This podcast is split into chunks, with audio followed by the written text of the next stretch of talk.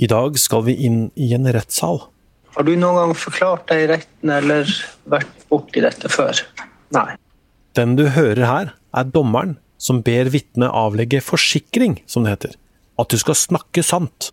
Um, dette er jo en straffesak, eh, så du skal være kjent med først at uh, vi tre som er dommere i saken, vi kjenner jo i utgangspunktet ikke saken. Og ikke hatt tilgang til dokumenter eller hva som har vært sagt i avhør tidligere. Så det får du på en måte ha i bakhodet at det som kanskje er inn, innforstått for en del av de andre aktørene, det, det, det, kjenner ikke vi. Men når du møter som vitne her, så har du plikt til å forklare det, og du må jo forklare deg sannferdig. Og da vet du kanskje også at det å forklare seg falsk for retten er med straff. Um, og så er det lov til å være usikker, men da er det viktig at du sier ifra om at du er usikker. Og er det spørsmål du får som du ikke kan svare på, så skal du ikke forsøke å svare. Um, og så må du avgi en forsikring før vi går på, på forklaringa di, og da ber jeg om at du forsikrer at du vil forklare den rene og fulle sannhet, at du ikke legger skjul på noe. Og du må gjenta. Det forsikrer jeg på ære og samvittighet. Ja, det forsikrer jeg på ære og samvittighet. Flott. Dette er Krimpodden. Jeg heter Tor Erling Tømt Ruud.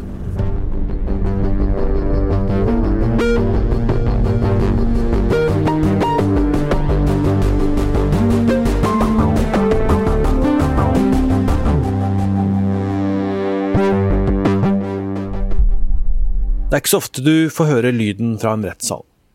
Og nå er vi inne i Nedre Romerike tingrett. Saken som går i denne salen, gjelder drapet på 34 år gamle Christian Løvli. Dette er fra rettens første dag. Vi har fått lov til å bruke deler av det som ble sagt denne dagen, fra samboeren og faren til Christian sine forklaringer. Det er Christian Løvlis samboer Siri som skal forklare seg først, og som dommeren Geir Olav Jensen snakker til. Som i alle rettssaker er det de pårørende og fornærmede i saken som får snakke først. På tiltalebenken sitter en mann i 40-åra. Tiltalt for å ha drept Løvli i mai i fjor i en garasje. Salen er liten. På venstre side sitter bistandsadvokat og aktor. På høyre side sitter tiltales forsvarer og tiltalte selv. Det er få tilhørere pga. koronarestriksjonene. Pressen følge med via en videolink. Helt foran sitter tre dommere. To av dem er lekdommere, vanlige folk som deg og meg. Du møtte familien i forrige episode av Krimpodden, der de fortalte om døgnet som endra alt, da Christian på 34 år ble drept. Nå er altså rettssaken i gang. Og det er aktor, han fra påtalemyndigheten, Sturla Henriksbø, som begynner utspørringen. Du, jeg har tre temaer som jeg tenkte at jeg ville være innom med deg. Så regner jeg med at uh, Advokat Grønn også sikkert har en del spørsmål til deg også. Men de, de tre temaene som, uh, som, er det Først litt um, Om du kan beskrive Kristian som, som, menneske, person, uh, og familiesituasjonen deres. Bare så vi blir litt kjent med han. Mm. Det andre temaet det er litt sånn det utleieforholdet til, til tiltalte. Hvordan det var, og, og, hva du fikk vite om det fra Kristian. Mm. Og Det siste temaet det er jo den, den dagen. Ja. Hva, hva, som skjedde da, og, og hvordan du opplevde det. Mm. Hvis vi begynner med det første, da. Eh, vil du si litt først bare om, om eh, familien deres? Altså eh, barn og dere og, og ja. dere og sånn. Ja. Uh, vi er ikke gift. Nei, samboer. Unnskyld. Beklager. Uh, jeg traff Christian i august 2009 på hyttetur med kompiser av Christian og venninner av meg. Så ble vi sammen utpå høsten i 2009, og vi ble samboere i 2011. Han overtok eh, barndomshjemmet sitt i Nittedal, og vi pusset opp det til å bli eh, vårt eget hjem. Kristians samboer Siri forteller retten om det som skjedde den grusomme dagen han ble drept. Hun forteller også om en svært vanskelig tid etter drapet, der både hun og barna er sterkt prega av det som har skjedd, på alle ulike vis. Hun forteller at redselen og utryggheten følger henne i hverdagen. Men det er ekstremt tøft. Og jeg er også mye redd. Jeg er Jeg er redd for å være alene. Jeg, jeg tør ikke dusje på kvelden hvis det ikke er en annen voksen i huset. Jeg tør ikke gå ut i garasjen eller i boden. Jeg har alarm som jeg setter på på natta. Jeg er rett og slett utrygg, da. Men det kan jeg jo ikke si til barna. Etter at samboeren har forklart seg, så er det Christians far som skal innta vitneboksen. Han forteller bl.a. om boligen de kjøpte, og som den tiltalte mannen leide av dem. Vi hadde noe utbedringsarbeider på dette bygget, så det tok vel en måned eller to med noen utbedringer. Og når, når det da begynte i um, nærma seg jul, så ble det avertert på Finn, rett og slett. Og da fikk vi ganske raskt det måtte jo ha vært, altså Datoene tar jeg ikke nå i farten, men jeg mener at Eh, la oss si at det var rundt 10.-12. desember eller sånt, 14 dager til jul. Og vi fikk faktisk respons på denne annonsen ganske fort. Leieboeren meldte sin interesse, og flytta altså etter hvert inn i boligen. Krimkommentator i VG, Øystein Millie, du følger denne rettssaken. og Hva er det faren forteller retten om dette leieforholdet som den tiltalte hadde med dem? Ja, dette huset er jo da um, leid av bedriften, familiebedriften uh, som Christian Løvli og faren uh, drev. Uh, og ved juletider, eller før jul på slutten av 2019, så skulle man leie ut. Og man annonserte på Finn, og to interessenter meldte seg og den ene av dem var da tiltalte. Den andre interessenten kunne ikke ta over huset før på vårparten, og Derfor så ble det da at man gikk for eh, han som nå sitter tiltalt for drap. Og man oppretta da kontakt og avtalte at det skulle betales et depositum, som var tre ganger månedsleie. Eh, og, eh, og, og, var klare for å starte et leieforhold. Og så er det jo sånn at faren til Christian Løvli har jo forklart retten at han sier han var dumsnill og ga den mannen som nå er tiltalt, nøkkelen før uh, bl.a. depositumet var på plass. Sånn at uh, leieforholdet var da i gang ganske fort. og så var for så vidt Ja, så var for så vidt det i gang. Og så I retten så går de gjennom korrespondansen da, som de har hatt mellom seg. Både mailer og SMS-er. Hva er det som står i dette? Først og fremst så er det jo veldig mange eh, det som viser seg å være bortforklaringer. Eh, for det ble jo selvfølgelig da et tema. Eh, når får vi depositumet? Og det var også problemet med å få husleie. Og, det ble jo naturlig nok mer og mer kommunikasjon rundt dette her. Og da er jo bildet ganske tydelig. Det er at den tiltalte mannen, han, han lever på løgner. Sier at penger er på vei. Uh, spør ja, nå er pengene straks der, har du fått dem, osv. Men vet jo at pengene ikke er sendt. Så han holder Løvli-familien da for narr, og, og, og, sånn går på en måte ukene og månedene. Og det er stadig bortforklaringer, stadig nye uh, unnskyldninger og stadige forsikringer om at snart så vil dette ordne seg, ordne seg men uh, det gjør det jo ikke. På et tidspunkt i forkant av drapet på sønnen forteller faren at han hadde en episode med leieboeren som han i etterkant har reagert på. Han ville ha meg bort til å ordne noe elektrisk ute. Um, og jeg sa at jeg kom bort. Vi snakket vel ikke noe om disse tingene her da.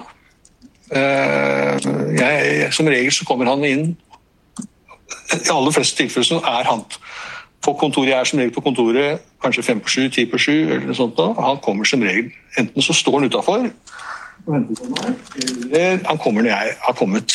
Han, han tar svaret da tidlig på morgenen. Jeg går ikke bort til han da med en gang. Jeg driver jo med noe det er litt travelt hos oss, gjerne kanskje den første halvtimen, timen, for jeg er montører som kommer inn og sånt da. Og jeg satt jo da og memorerte hvordan elektriske installasjoner var der borte. og Han ville ha meg til å reparere det elektriske anlegget ute. Og når jeg rusla bort der etter en halvtime, tre kvarter, så var tanken min at da må jeg gå bort og bare ringe på døra, for antageligvis så er det feil inne i huset. Men jeg kom bort da, til carporten, og han skal opplagt ha meg inn i denne carporten. Han står nærmest, og jeg kommer forbi, så står han og, og skal ha meg inn i den carporten. Jeg stopper opp, Jeg har tenkt gjennom akkurat sånt er jeg ganske god til å huske, hva jeg visste at inni den carporten så fantes ikke noen elektriske installasjoner. Det var ikke en ledning der, ikke en bryter, en stikkontakt. Hadde ikke noe i den karporten å gjøre. Jeg. Jeg kan jo ikke begynne å reparere feil på noe som ikke finnes. Han står og skal liksom ha meg inni den karporten. Så jeg snur meg, han står bak meg. Det her har ikke jeg noe å gjøre. Så bare går jeg forbi. Og jeg huska jo det at det er en bod på baksiden av karporten. Det eneste installasjonen som er i hele bygget, det er en stikkontakt som sitter der. Åpner den bodøra, stikkontakten sitter på høyre side, til den er montert en liten sånn gammel sengelampe med en ledningsbryter. Jeg trykker på den bryteren, og det lyser. Jeg sier, Hva er det du vil at jeg skal reparere? Det er jo ikke noe feil. Og jeg går igjen. Hele seansen tok kanskje to minutter. Jeg brukte kanskje fem minutter før jeg gikk og jeg satt tilbake på kontoret. Men for meg er jo dette en hendelse som er helt identisk, mener jeg, med det Christian opplevde. Og så fortelles det om denne episoden i denne karporten, hvor eh, uh, faren da uh, skal inn og fikse noe. hvorfor er denne historien så interessant for retten, Øystein? Det går jo på spørsmålet om det er en planlegging her. Og faren til Christian Løvli var veldig tydelig i retten på at han mener at det var en forutgående planlegging. Uh, og oppfatter jo da den episoden som han har fortalt om, uh, hvor han ble forsøkt, uh, sånn han opplevde det, og lokket inn i denne garasjen, som en anledning hvor han skulle angripes. Den tiltalte han avviser det, og sier at han ikke har holdt på med noen form for planlegging, og har jo gitt en forklaring om at dette grufulle drapet oppsto der og da. Og dette er jo veldig viktig da med tanke på straffeutmåling. fordi at man straffes jo mye strengere dersom man kan bevise at en handling er planlagt, eller, eller om den er, oppstår helt plutselig, og at det er et såkalt uh, forsettlig drap, som det ble kalt før. Faren forteller om et tett og godt forhold til sønnen sin. Altså, det er kjempevanskelig å, å, å, gi beskrivelse av sin egen sønn. Og det, er, det er skrevet så mye pent. Uh, jeg kan si litt om vårt forhold. Da, fordi at uh, vi har hatt et tett forhold fra han var guttunge. Kristian. Eh, som sagt, helt vanlig, men kanskje litt mer, mer enn en vanlig sønn-far-opplevd. For vi hadde så mye felles interesser. Det var ikke bare at vi jobba sammen. Vi møttes jo hver dag ikke sant? og var kollegiale. Men vi delte felles interesser og hobbyer. Som kanskje jeg har fått anledning til å prege med. Så vi var på masse fisketurer og jaktturer osv. Så, videre. så jeg har tilbrakt veldig mye tid med, med Kristian. Han var, han var en, en usedvanlig beskjeden, egentlig gutt. Altså, jeg liksom, har tenkt på det. Ja. Og veldig lite selvhevende. Han hadde jo egentlig relativt gode fysiske altså forutsetninger for sport. Han gjorde det veldig bra i alt han deltok i. Og jeg har jo fått vært med på det aller meste. Men han, han var eh, Altså, han var kaptein fra han var på fotballaget. Det var fordi han var god, selvfølgelig. Men han hadde en egenskap som var spesiell, og det var at, at som tiåring kunne han komme tilbake, og de hadde kanskje vunnet 4-0, og du spør Kristian åssen gikk det? Ja, vi vant 4-0, ja. ja. Hvem var det som skåra det? Og da var det nesten som du ikke fikk ut at han kanskje hadde lagd alle fire målene. Han var mer øh,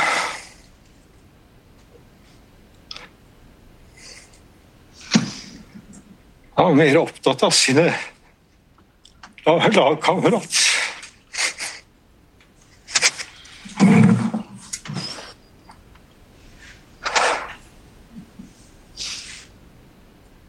Senere ble han en veldig god skiløper. Han var jo norgestoppen.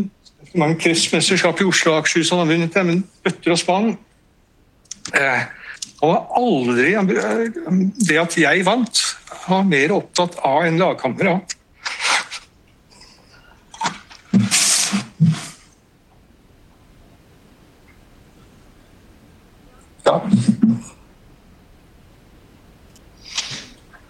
Men jeg tror kanskje at det var altså, så Signe sier det at hun er storesøster hadde overrasket over hvor store vennekrets han hadde. Og den var enorm. Den var Den var enorm. Han hadde Han var altså en stillfaren eh, kar som du liksom tenker at Som ikke gjorde noe for det, men han var kjempeflink med unger. Og sine jevn. Men han hadde jo en haug med godt voksne kamerater. Han overtok på en måte nesten mine gamle venner og dro på fisketur med 65-åringer. Og det ble, jo skrevet faktisk en del nekrologer, antagelig flere nekrologer enn noen av oss kommer til å få. Eh, og to av dem er skrevet av 70-åringer.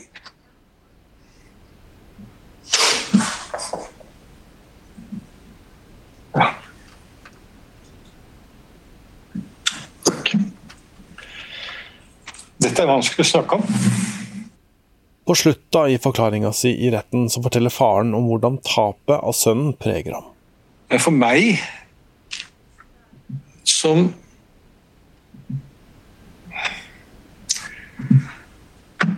uh, Som vet at avgjørelser jeg tok, er et resultat av at vi sitter her, så gjør det jo ekstremt vanskelig. At jeg i tillegg veit at det var meg som sto øverst på lista, men var heldig. Det går jo ikke an å si heldig, for det hadde vært mye bedre at det hadde sittet en 34-åring her. Gjør det ekstremt. Det er nesten ikke det bære.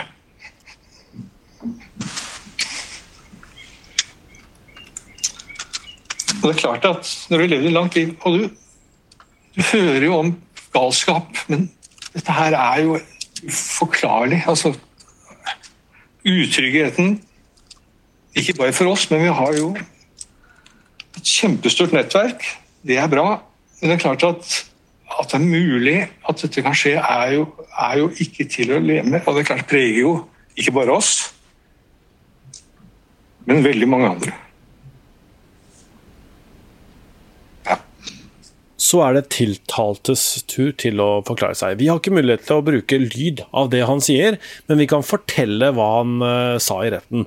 Øystein, hva er det han sier om den dagen drapet skjedde? Nei, han øh, har jo først og fremst beklaga øh, det han har gjort. Like fullt så tror jeg det er mange i retten som ikke er blitt så mye klokere, og, han har ingen forklaring sjøl heller på hvorfor dette skjedde. Men han har jo da fortalt om en meget anstrengt økonomisk situasjon, hvor han hadde Eh, press fra mange kanter. Han hadde lønnstrekk fra offentlige myndigheter som gjorde at han fikk lite penger utbetalt. Han hadde eh, ja, kort og godt store økonomiske problemer. Eh, samtidig som han da har en, kone og barn og ikke hadde husrom. Eh, dersom han skulle flytte ut fra dette huset. Og det eh, Sånn jeg leser det, så er jo, er jo det et bakteppe at han har eh, fortvila av økonomien sin. Og han får jo da eh, selvfølgelig eh, stadig påminninger eh, om at eh, han må betale, og det, det, skjer jo ikke. Og så beskriver jo han da en situasjon hvor det er en elektrisk gressklipper som ikke fungerer som han skal. Uh, han får kontakt med da Christian Løvli denne skjebnesvangre morgenen, og spør om han kan være med inn i uh, garasjen. og det sier han ja til. Christian Løvli beskrives jo som en Uh, hjelpsom uh, mann som aldri sa nei. Og, og, og, han, ifølge tiltalte, så ble da denne gressklipperen reparert veldig enkelt av Løvli. Og så, og så hevder han at de da begynte å At det oppsto en form for en slåsskamp, og at han hadde da med seg en kniv. Uh, og så kan man lure på hvorfor hadde han det. Og den kniven den hadde han faktisk putta i en sånn hettegenser hvor du har en lomme som går tvers gjennom magepartiet på langs, da, og som har åpning fra begge sider.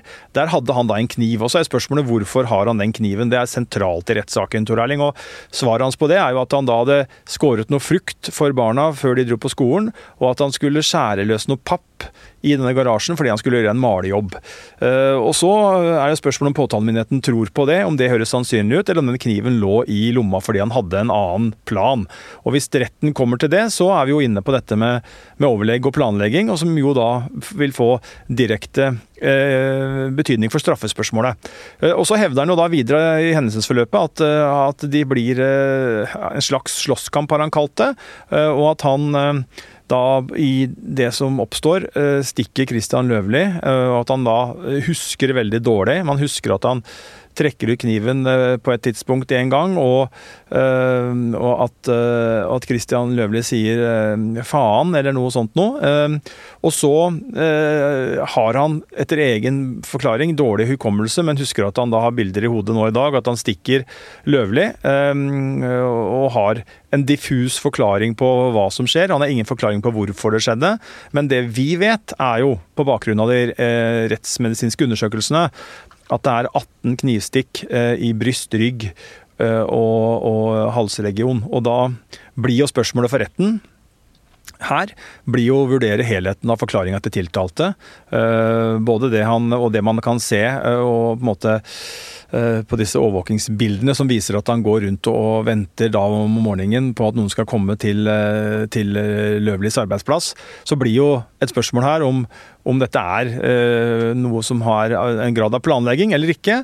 Og da blir dette med, med kniven og dette med denne hendelsen med faren inn i garasjen, eh, opptakten og forklaringen hans rundt hva som skjedde med Løvli, er det logisk at det oppsto en liten slåsskamp, og at de eh, knivstikkingen som da ble til slutt 18, 18, knivstikk, at det da Hva forteller den historien? Det blir jo det retten må, må forklare. Eh, eller ikke forklare, men å konkludere rundt. Så, så mm, det er jo eh, Men han har ingen svar på hvorfor han gjorde det. Han sier at Christian Ljøvli gjorde ham ingenting. Han var snill, han hadde ingen grunn. Og, og han kan rett og slett ikke gi noen Ja, det er jo veldig sjelden man kan gi en fornuftig forklaring på hvorfor man dreper et annet menneske, men, men her er det ingen som helst øh, tegn til noen forklaring fra tiltalte på hvorfor dette ubegripelige og svært tragiske skjedde, da han altså da knivdrepte trebarnsfaren Christian Løvli øh, i denne garasjen. Er, det vanlig, da, at tiltalte ikke husker noe sånt og på en måte nærmest helt sånn svartner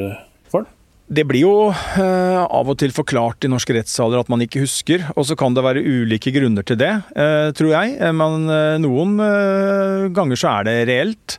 Andre ganger så kan det være at man har fortrengt ting og forsøker å fortrenge ting, og ikke ønsker å eh, bringe det frem fordi at det er så gruoppvekkende scener og, og en opplevelse som man bare dytter nedover i eh, systemet. Men uh, hva som er situasjonen i denne saken, det, det vet vi jo ikke. Det, det, er det jo bare tiltalte som kan svare på. Og han, og han, sier jo at han ikke da husker, at han bare har vage minner, og, og at han ikke kan forklare hvorfor dette skjedde.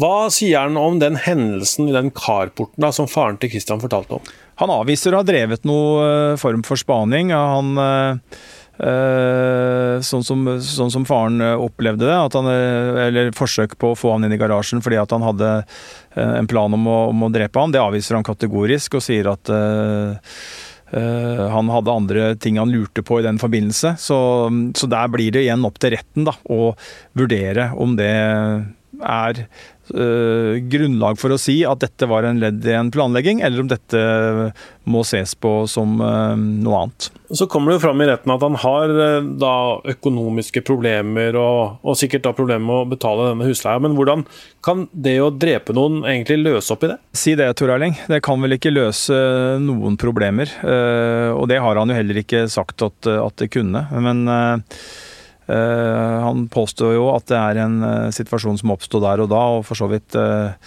ikke hadde noen direkte sammenheng med at han skyldte penger, men han beskriver jo en veldig vanskelig livssituasjon hvor han sov lite, var fortvila, at det kverna rundt i hodet hans nesten hele tida. At, at, at Du har et problem, du vet at jeg, jeg holder noen for narr. Jeg har ikke de pengene som jeg må betale. Og det å bli få beskjed om å måtte flytte ut, det rykker jo nærmere. Man kan jo ikke la, la folk bo der da. Og ja, det var i hvert fall eh, et bakteppe. Uh, men, men, men, det ville jo ikke løse noen ting.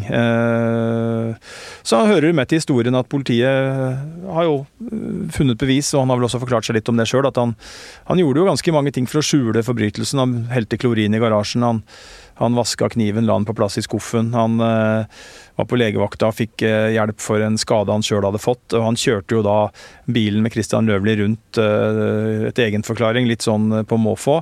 Eh, og, til slutt så parkerte han jo da den eh, utafor Maxbo og, og, gikk hjem. og Uh, og han ble jo, altså Det som skjedde, var jo at han ble jo uh, Familien hadde ganske fort mistanke til at han måtte vite mer enn det han sa i disse timene, dramatiske timene hvor man lette til Christian Løvli, og man mer og mer forsto at her er det noe som ikke stemmer.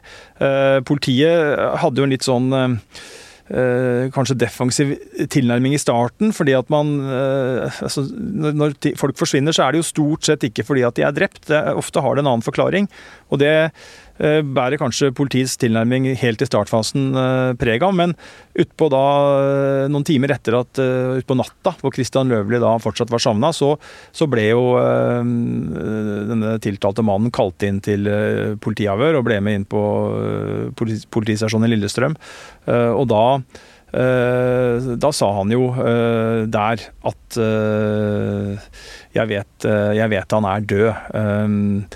Eh, i, i, det avhøret. Og, og, da eh, ble på en måte eh, denne saken snudd, og man fant da liket av Løvli, og så ja, fant man jo åstedet, og så var tragedien et faktum.